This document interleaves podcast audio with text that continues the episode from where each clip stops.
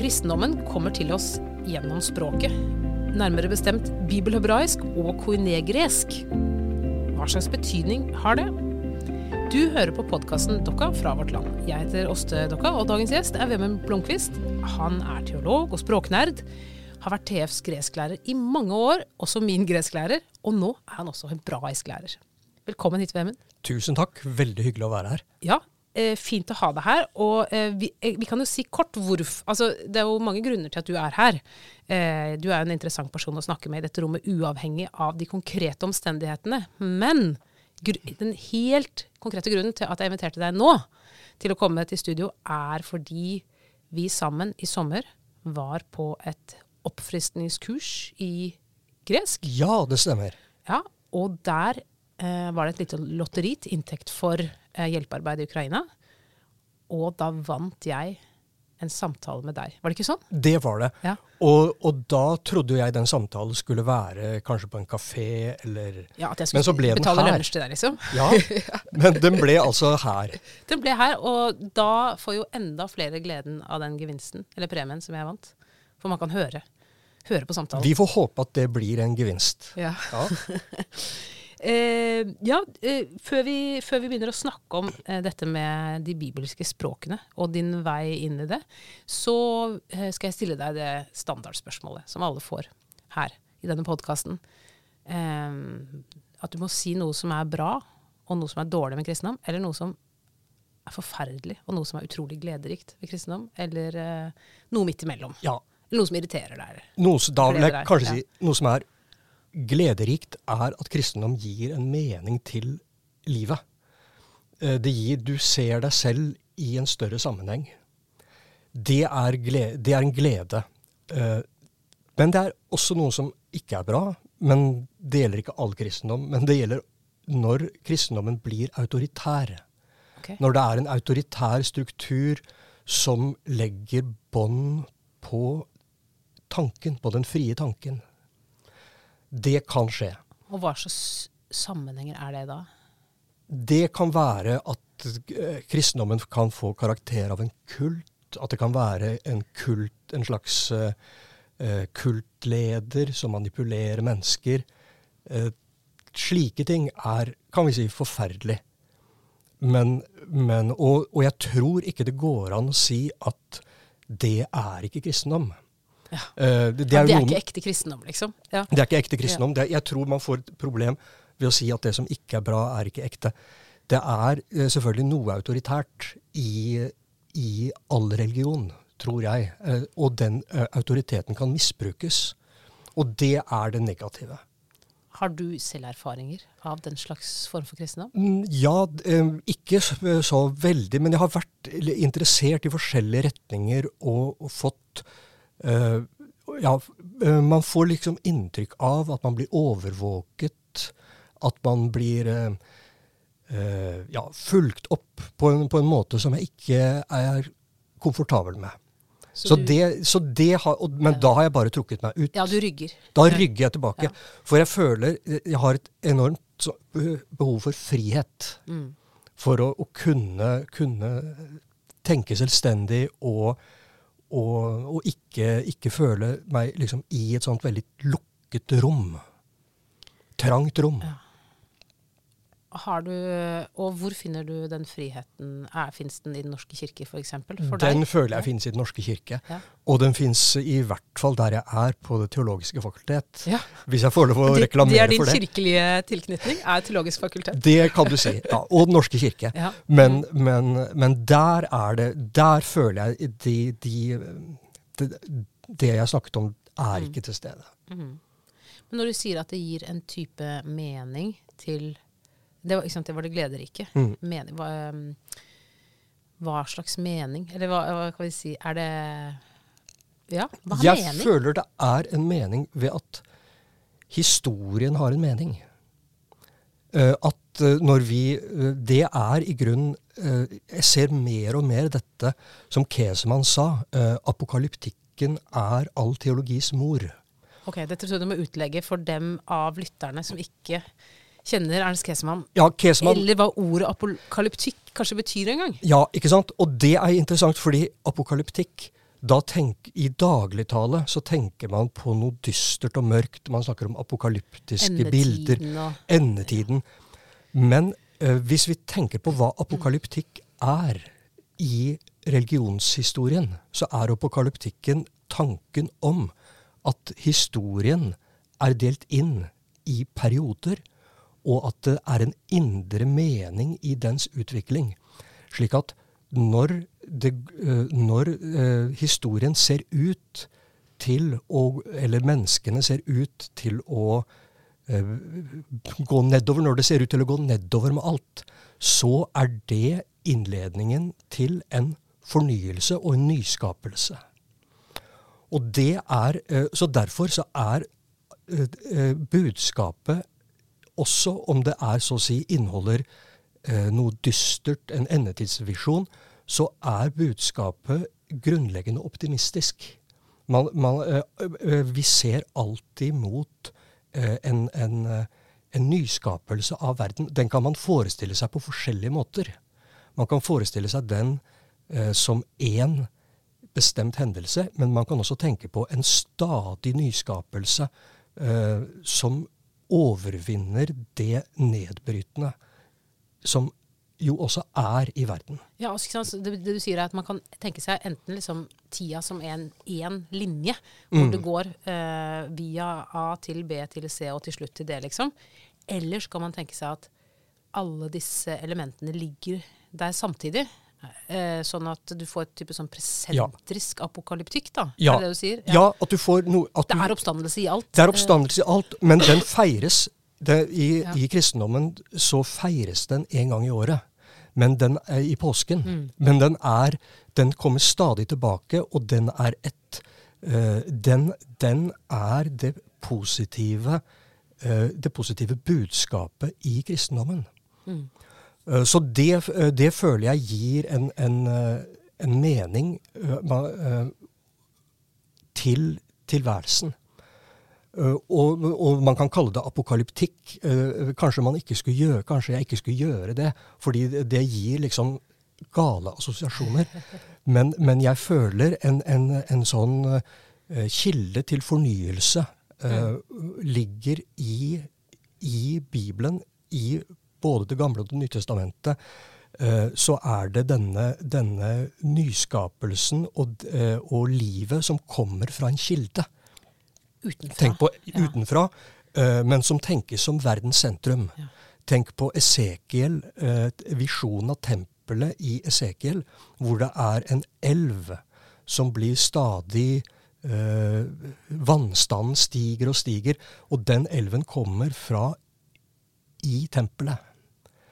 Eh, og den Guds, samme Guds bolig, på en måte. fra Guds bolig, fra Mm. under Guds trone. Mm. Eh, Så det er slike eh, interessante bilder som, som, som, som handler om nyskapelse, at verden så å si helbredes. Verden helbredes. Og det er også tema i åpenbaringsboken, og vi ser at åpenbaringsboken, sluttkapitlene i åpenbaringsboken og Esekiel har veldig mye til felles. Ja. ja. Så Esekiel er ganske sånn uh, endetidsorientert, eller?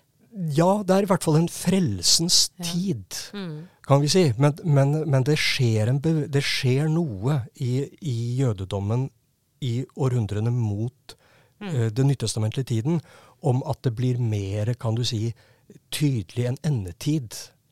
Men, men den kan igjen tolkes ulikt. Den kan tolkes, som du sier, presentisk. Ja. Mm -hmm. uh, og det, det syns jeg er veldig, veldig givende å, å, så å si se uh, Ikke tenke uh, Ikke tenke så å si at jeg skal se fremover mot en bestemt dag, men tenke på nyskapelsen her og nå.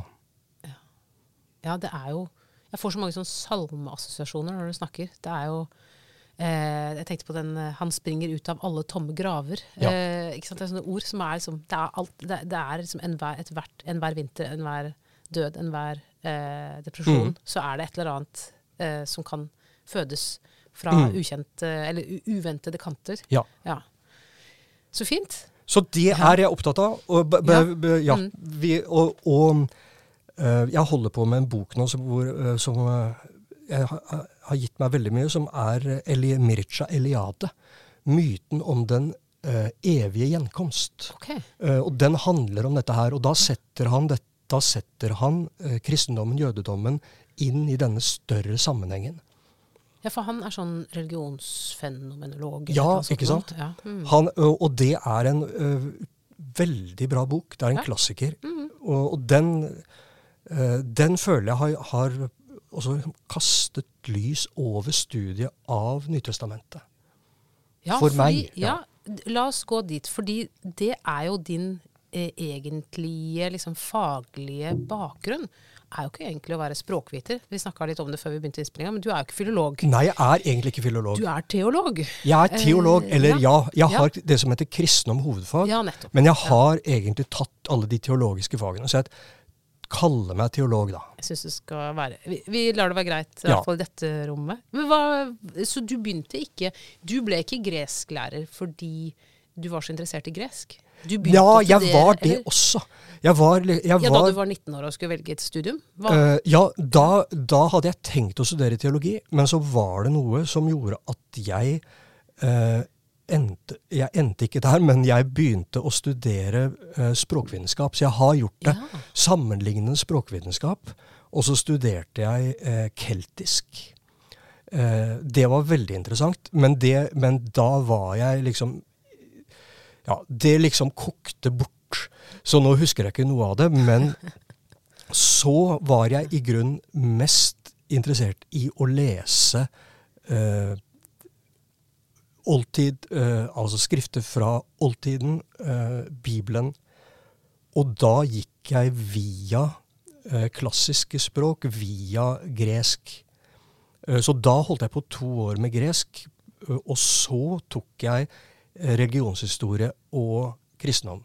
Ja, nettopp. Men du var, du var du sånn barn som var interessert i språk da, da du var liten og sånn? Ja, men jeg var på en måte også jeg var Begge deler. Jeg var interessert i bøkene og språkene de var skrevet på. Ja. Så jeg husker jeg var veldig opptatt av Koranen. Okay. Og hadde en sånn uh, dansk koran med arabisk tekst. Men da skjønte jeg jo ingenting av Nei. den. Men da syntes jeg det var veldig interessant at liksom dette er Det. Der er det det samme. Ja. Der står det på arabisk. Og så, så, så liksom satt jeg og leste høyt av denne danske teksten. Og, så sånn holdt jeg på. Ja. Men, men jeg hadde ikke noe forhold Jeg hadde ikke noe, noe Jeg lærte meg ikke noe språk da. Nei. Men da men, det var ikke sånn jeg, at du var kjempegod i engelsk på, på skolen? Nei, ikke i det hele tatt. Så, så jeg er helt vanlig, he, helt vanlig interessert i det. Og, og det som jeg i grunnen ser, er at hemmeligheten med å lære disse språkene, de gamle språkene, det er egentlig bare å bruke mye tid på det. Det er, det er bare å, å sette seg ned og, og, få, samme, få mange timer å sitte og lese dem og fordype seg i dem. Så da, Og det fikk jeg da gjort. Og så var jeg så heldig når jeg kom på teologi, at jeg fikk en fantastisk veileder, som du husker òg sikkert. Han David Hellholm. Ja, jeg husker David Heddan. Ja. Mm. Som hadde liksom også det som jeg uh, var ute etter. da, For han, han var veldig opptatt av språk, men han var jo teolog, og liksom, han var opptatt av den eh, språklige eh, Altså å analysere språket i skriftene, deres uttrykk. Det, det var i grunnen hans, hans hoved... Det var hans hovedinteresse. Og så ga han meg en veldig morsom oppgave, da.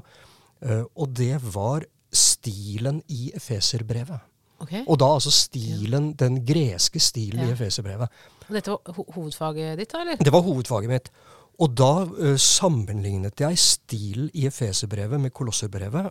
eh, og, og da var vi helt nede på dette med, med språklige konstruksjoner, bruken av partisipp, bruken av hvordan ser språket ut.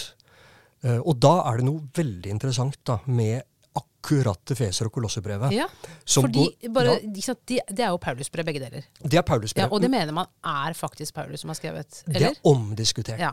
Hva, hva, var det liksom en del av det det spørsmålet du stilte til teksten? Kan dette være samme forfatter? Ja, det var det som var spørsmålet. For da, men da var uh, spørsmålet kan det være samme forfatter av Kolosserbrevet og Efeserbrevet. Eh, for det som er interessant, er, og det går litt tapt når du leser det på norsk, eh, i norsk oversettelse, for da, når du leser Paulus på gresk, da ser du at det vrimler av slike småord. Slike sånn og, ja, og selvfølgelig, men for, men, derfor. Vel, jo.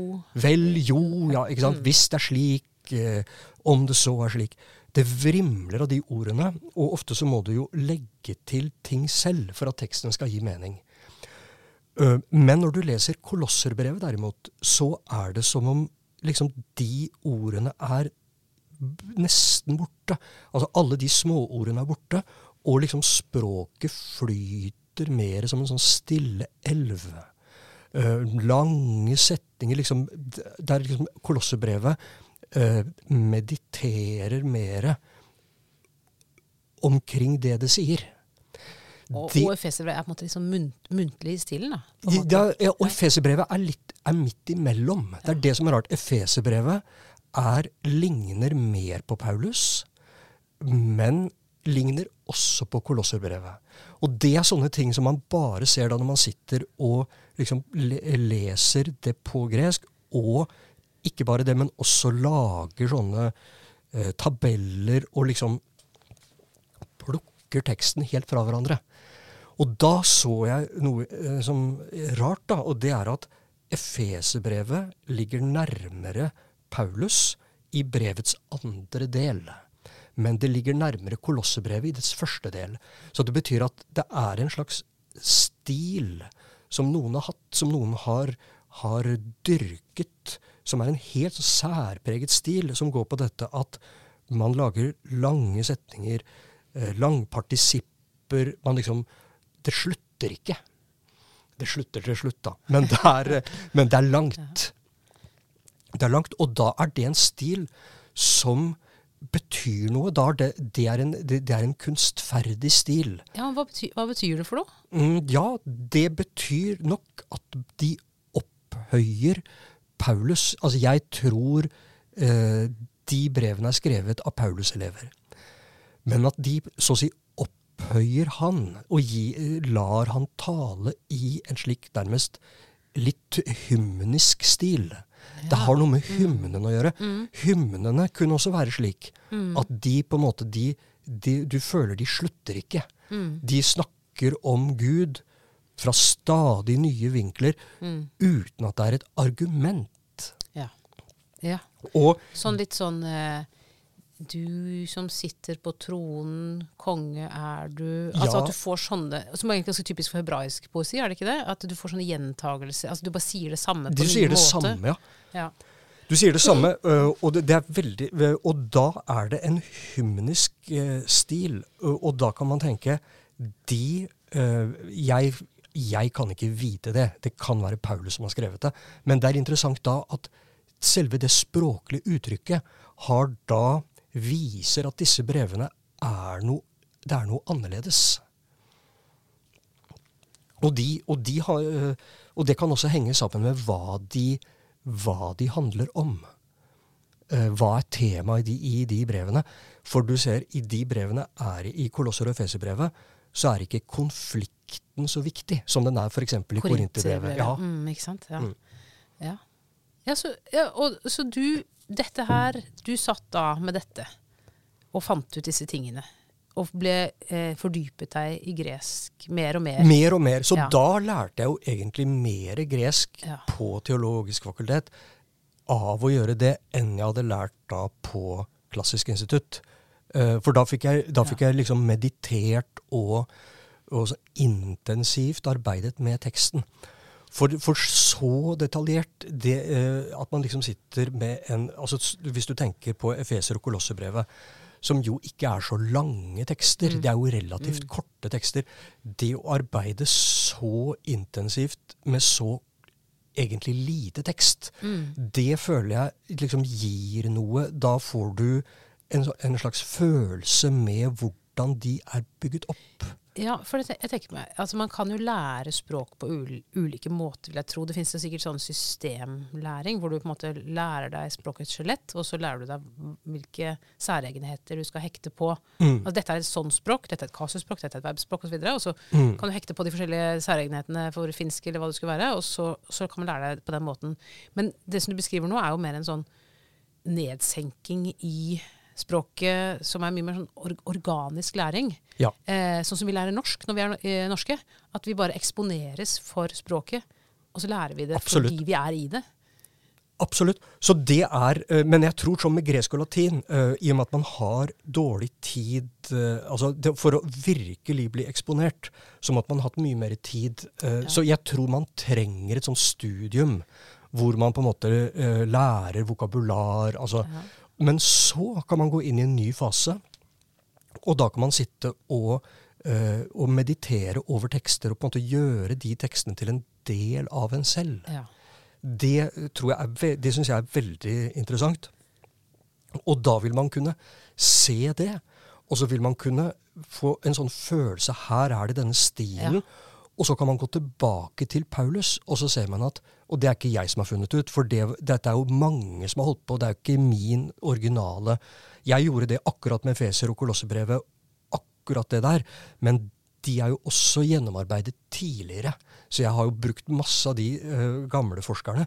Og da er det jo en svenske som het Percy, sier du. du. Du skriver det som engelsk Percy, okay. men jeg tror du skal si Percy. Ernst Percy Ja. som har en utrolig bra bok hvor, som heter eh, vel problem, eh, Det er på tysk, da. liksom eh, Efeser og Kolossebrevenes problemer. Ja. Men, han, men han gjorde noe interessant. Han så at denne hymniske stilen, denne her eh, meditative stilen, den finnes også hos Paulus.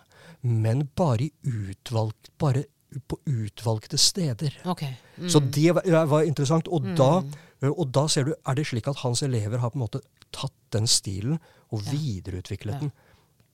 Ja. Man kan tenke seg da at Paulus er en allsidig forfatter som har forskjellige stiler, og Ja. bruker ikke sant? Nå skriver jeg sånn, nå skriver jeg sånn. Og så eh, forventer man kanskje ja, men Paulus skal jo skrive på én måte, men det, det er jo ikke gitt. Nei, det er ikke gitt. Og det gjelder jo for så vidt alle mennesker. At vi, vi, vi skifter jo stil avhengig av tema.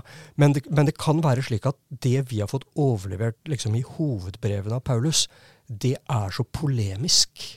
Eh, Det er så, det er så polemisk at, eh, at det som kanskje var viktig for han, denne andre måten å skrive på, det kan hende at den da er mer over, overlever mer i de brevene man tror ikke er av Paulus, men som da stammer fra så å si hans tradisjon.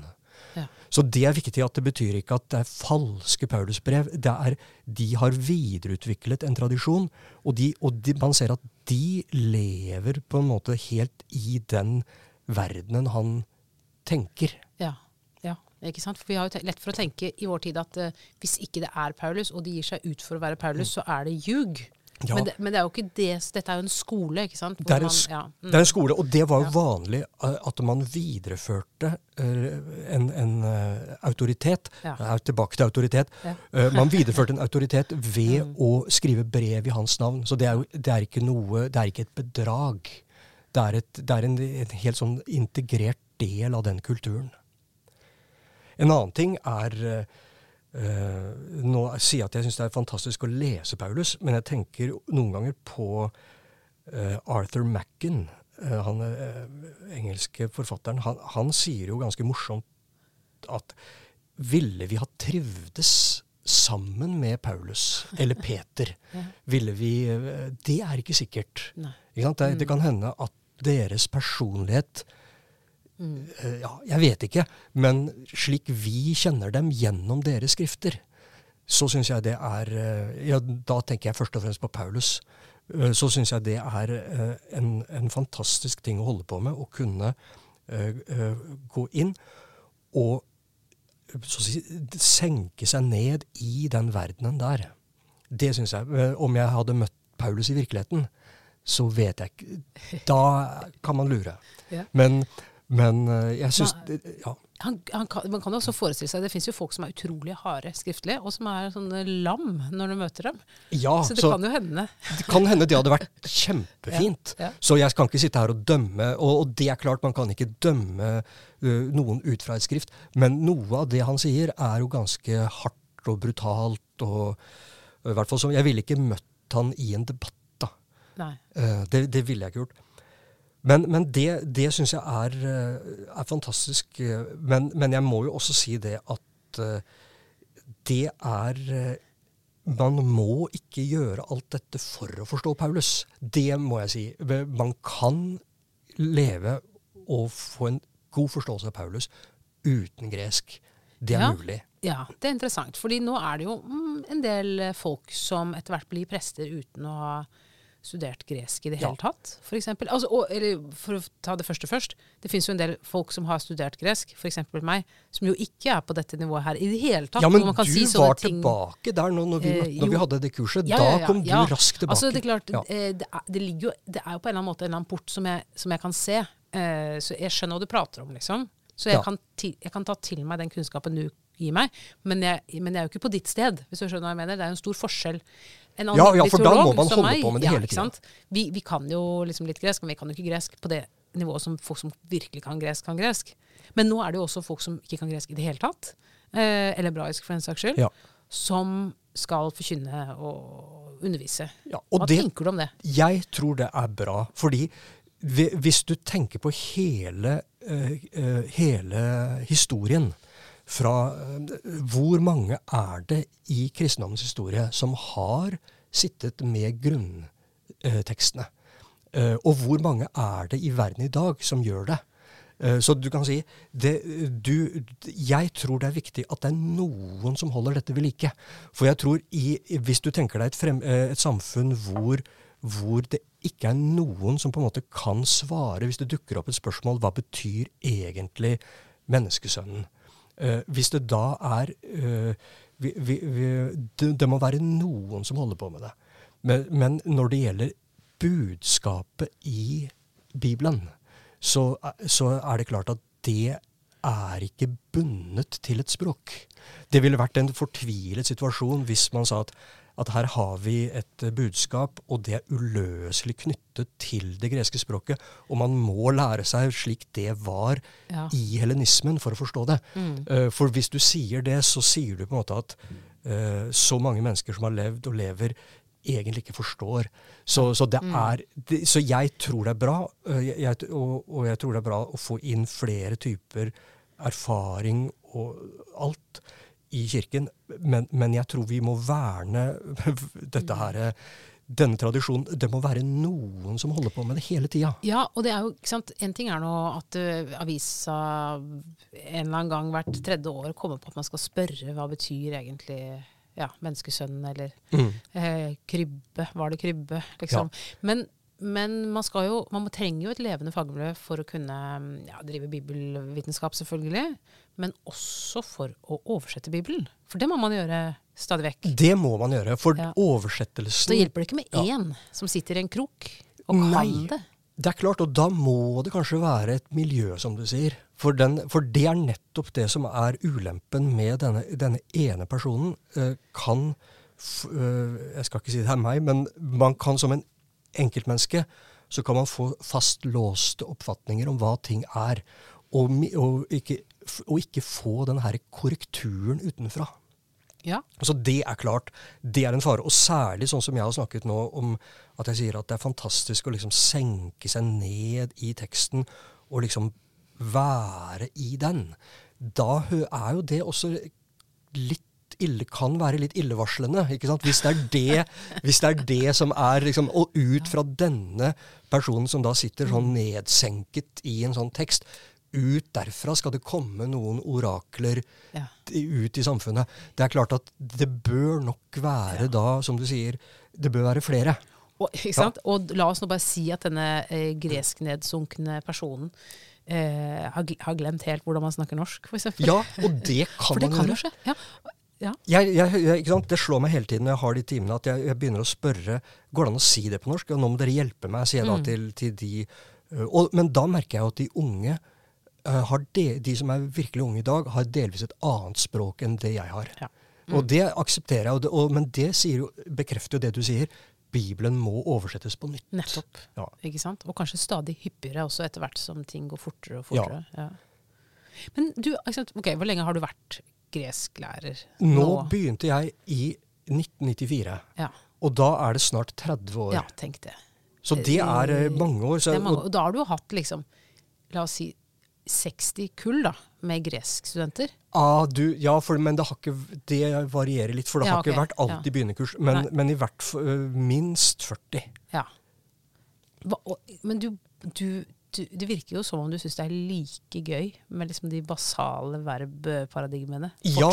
Det er det Hva er som det som holder det gående? Det er veldig interessant. Og det, jeg tror det er det at jeg er veldig interessert i det vi snakket om nå, denne her tekstinterne, altså lesningen, dette å gå inn i teksten, se på dens struktur, finne en helt Og der finnes det en kunnskap som ligner litt på matematikken. Ja. Ikke sant? Der finnes det noe, noe sånt sikkert uh, i, i selve tekstens grammatikk og tekstens oppbygning. Og språkets oppbygning, som du sier, verbparadigmen og alt dette. Så jeg tror, når jeg syns dette er så Jeg, har ikke mistet uh, motivasjonen. Jeg syns det er så fascinerende å holde på med, og jeg får også hele tiden muligheten til å fornye meg og til å til å holde alt ved like. For jeg ser det. Man er nødt til å holde på med det hele tiden for å, å liksom uh, kunne bruke det. Hvis ikke så blir det sånn med keltisk Da blir det som med keltisk. Ja. Det er dessverre. Det får, blir, får jeg ta når jeg er pensjonist. Ja. Men, men, men det, da ligger det og, og jeg, Så jeg tror det er det som gjør at jeg syns det er Jeg er veldig fascinert av denne, denne sånn tekstinterne uh, Den kan man uh, Tolkningen. Tolkningen som man kan gjøre uten å ha et bibliotek tilgjengelig. For veldig, Ja. veldig Mhm. ofte så Mhm. er det jo slik at man skal lære seg omverden. Og det er jo interessant. Hva skjedde i verden rundt? Men det er så stort, og det er så omfattende. Ja. Og en, en, en, et fint sted å begynne er å gå inn i teksten selv og eh, arbeide seg så å si ut derfra. Er- Hvis man kommer ut derfra. Du er strukturalist, du. du Ja, jeg syns det er kjempefascinerende. Og det, og det er også noe av det som han David Helleholm holdt på med. Han, han øh, var jo veldig opptatt av det at når du har forstått tekstens struktur, da har du tolket den. Ja. Da har du tolket den, og det tror jeg er Det er ikke sikkert det han som sa det først, men jeg hørte det av han i hvert fall. Og det er veldig Jeg tror på det. Mm. Eh, vi var oppe nå uh, på Gran og hadde sånn seminar om salmer. Og da er Ja, det altså så, salm, Salmenes salmer. bok, Salmenes fra bok, de eh, bibelske ja, salmene. mm, mm. Og da er det så interessant at når du ser hvordan salmene er bygget opp eh, når du har, Hvis du setter deg ned og så å si eh, jobber fram en struktur, så har du i grunnen tolket salmen. Eller du, for sagt på en annen måte, du kan ikke komme til den strukturen uten å ha tolket. Nettopp. ja. Dette syns jeg jeg kjenner igjen fra sånn, eh, tekst, den type tekstarbeid vi drev med på studiet, som er sånn virkelig ord for ord, eh, bøyning for bøyning, Mm. eh, lesning, som jo er kjempefascinerende. fordi du, teksten kryper under huden på deg på en helt annen måte enn en når du bare leser den og på en måte Ja, forstår det er det jeg tror. Ved å Ja. gå liksom sånn set, ord for ord, setning for setning, Mm. eh, så får du, bygger du noe opp fra teksten. I stedet for å, eh, å ha liksom et begrep og liksom si at nå skal jeg se på temaet. Temaet rettferdiggjørelse. Mm. Og så liksom ser du på temaet i romerbrevet. Men det er mye mer fascinerende å se hvordan det bygges opp i tekstens Ja. argumentasjon, og se at det inngår i en, eh, i en argumentasjonsstruktur. I romerbrevet, f.eks. Mm. Uh, og, og da syns jeg uh, uh, Det er også noe med det når, når du begynner å se på dette, her, så ser du hvordan tekster da Det som er interessant, er at de, de består jo både av brudd og av sammenhenger. En tekst. Det syns jeg er veldig interessant. Hva betyr brudd? da? Brudd betyr at du beveger deg f.eks. i en narrativ tekst fra et sted til et annet. Mm. Eller i en argumentativ tekst at du så å si skifter tema.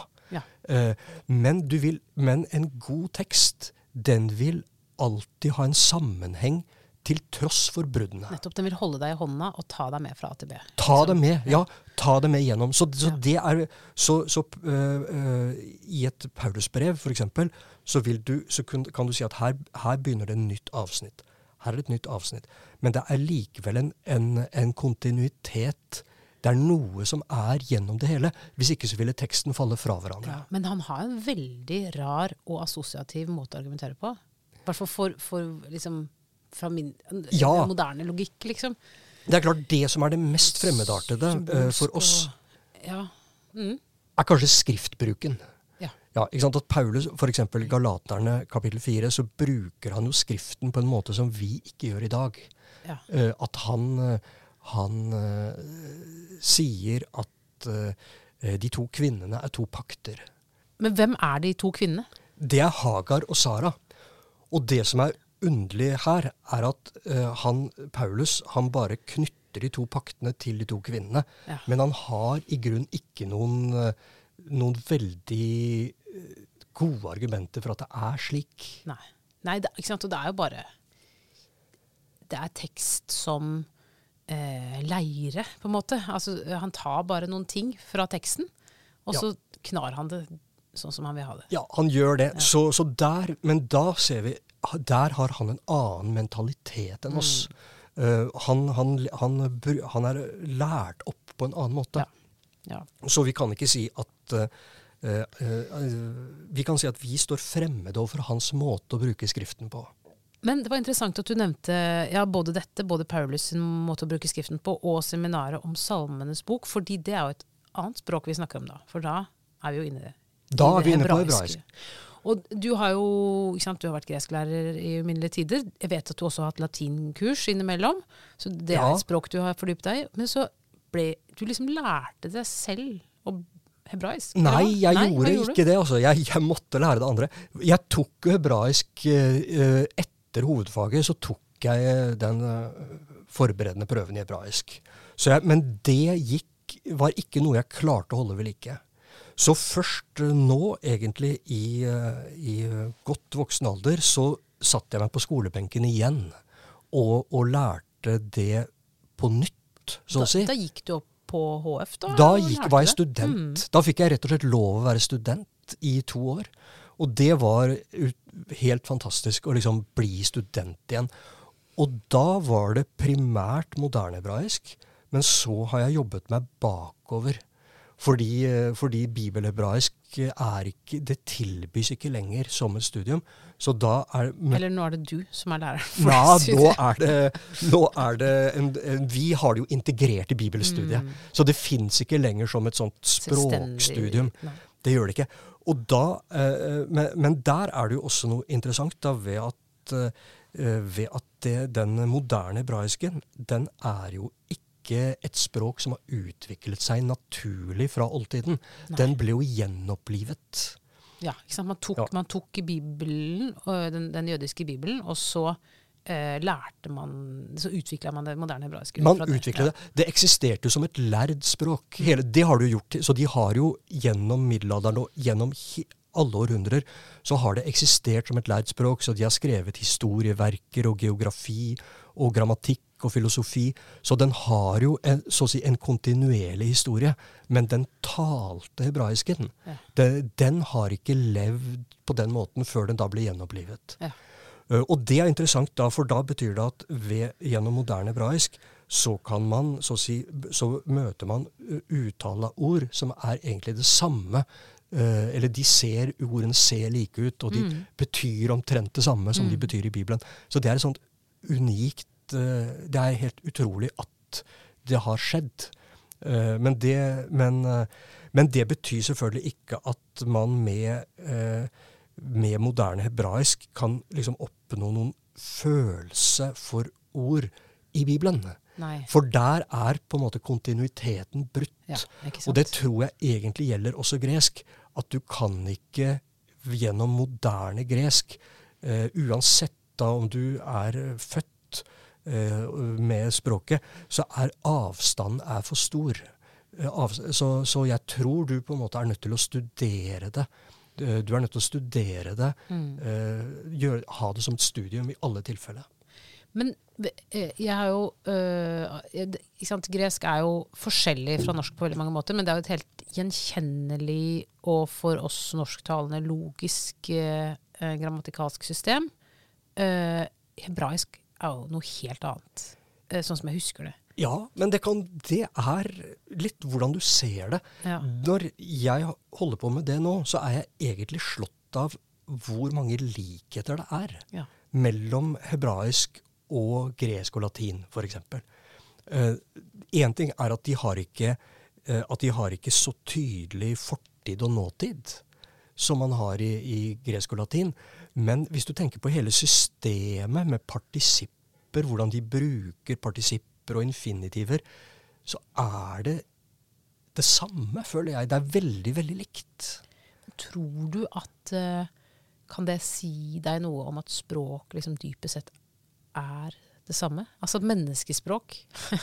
Ligner ja, på menneskespråk? Det tror jeg på. Det, men det er jo utenfor mitt område. Men det er jo det han her Chomsky ja, sier. Chomsky, at det er, at det er, noe, ja, ja. det er noen sånne strukturer. For du ser, eh, du kan ta et partisipp, og så kan du legge til en artikkel foran partisippet, så har du et substantivert partisipp. Mm. Den som går, den som tror, osv. Mm. Det er likt. De mekanismene er like. Mm. Og det har ikke de lånt fra hverandre. Det må være Men nå, nå er jeg helt ja. på gyngende grunn her, men jeg, det er bare det jeg føler. Men det er interessant det du sier, at du følte det var liksom så fremmedartet. Ja, altså ikke det, altså, det kunne vært mer fremmedarta. Det kunne jo vært sånn Nei, dette språket skildrer ikke mellom entall og flertall, f.eks. Det, kunne, ja. det, det kan man jo se for seg. Et språk som ikke ja. gjør, f.eks. Eller som ikke har tider. Eller som mm. kun er styrt av preposisjoner og ikke av Altså, det fins jo andre man, det fins jo andre tenkelige språksystemer, men jeg tror nok det var dette med både alfabetet mm. og at uh, um, dette med konsonanter og, og, vokaler, altså selve skriftliggjøringa Skriftbildet er vanskelig. er vanskelig, Og skriftliggjøringa av lydene er vanskelig.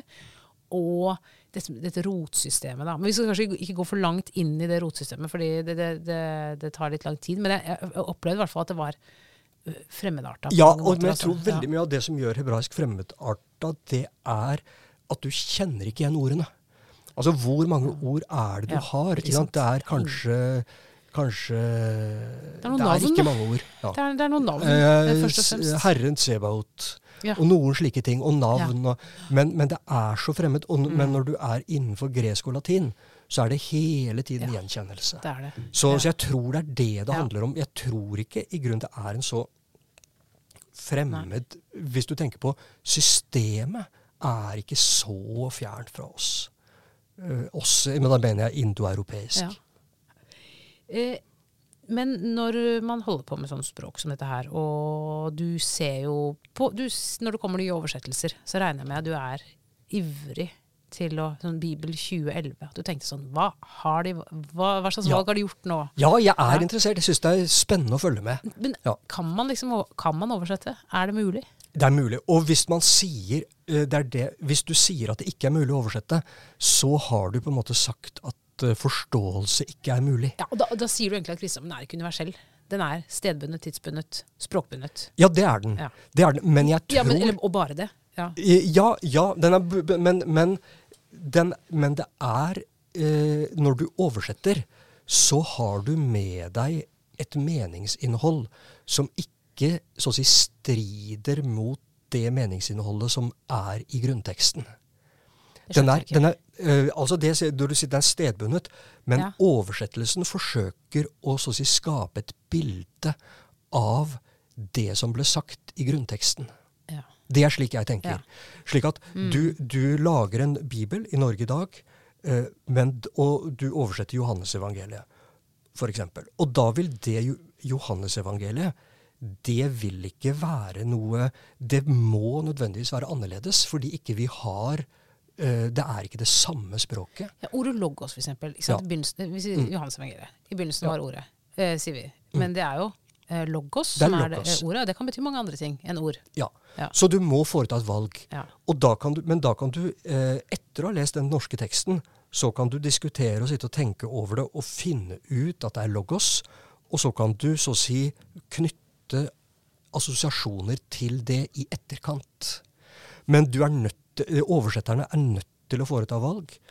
Og, men, du ser også Johannesevangeliet er et godt eksempel, da, for da ser du også hvor utrolig mye universelt det er i språk.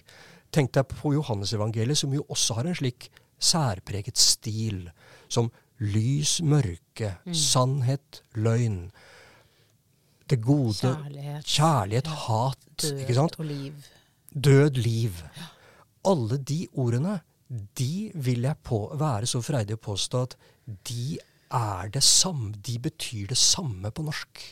Så freidig er jeg at Ja. når de sier død, liv og død, eh, så er det mulig å oversette det til norsk. Fordi det er ikke Det greske språket rommer ikke noen Det er ikke noe mystisk ved de eh, greske ordene for død og liv, lys og mørke.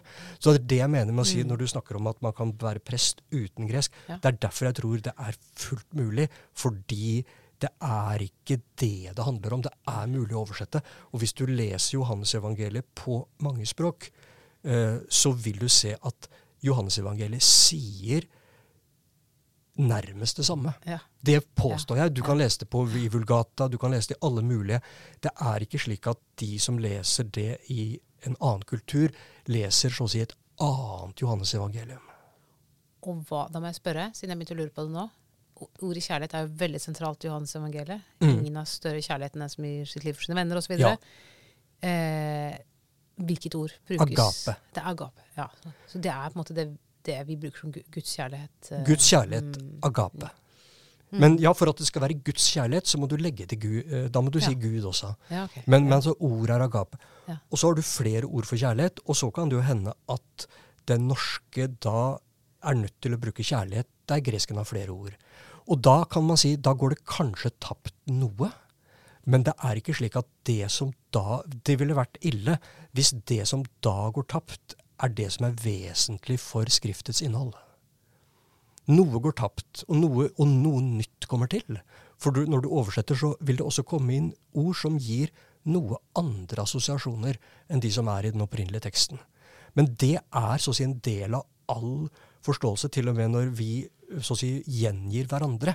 Hvis jeg snakker med deg og forteller etterpå ja, Åste sa det, eh, så vil jo jeg kanskje bruke noen andre ord for å gjengi det du sa. Så den prosessen kommer man i grunnen ikke unna.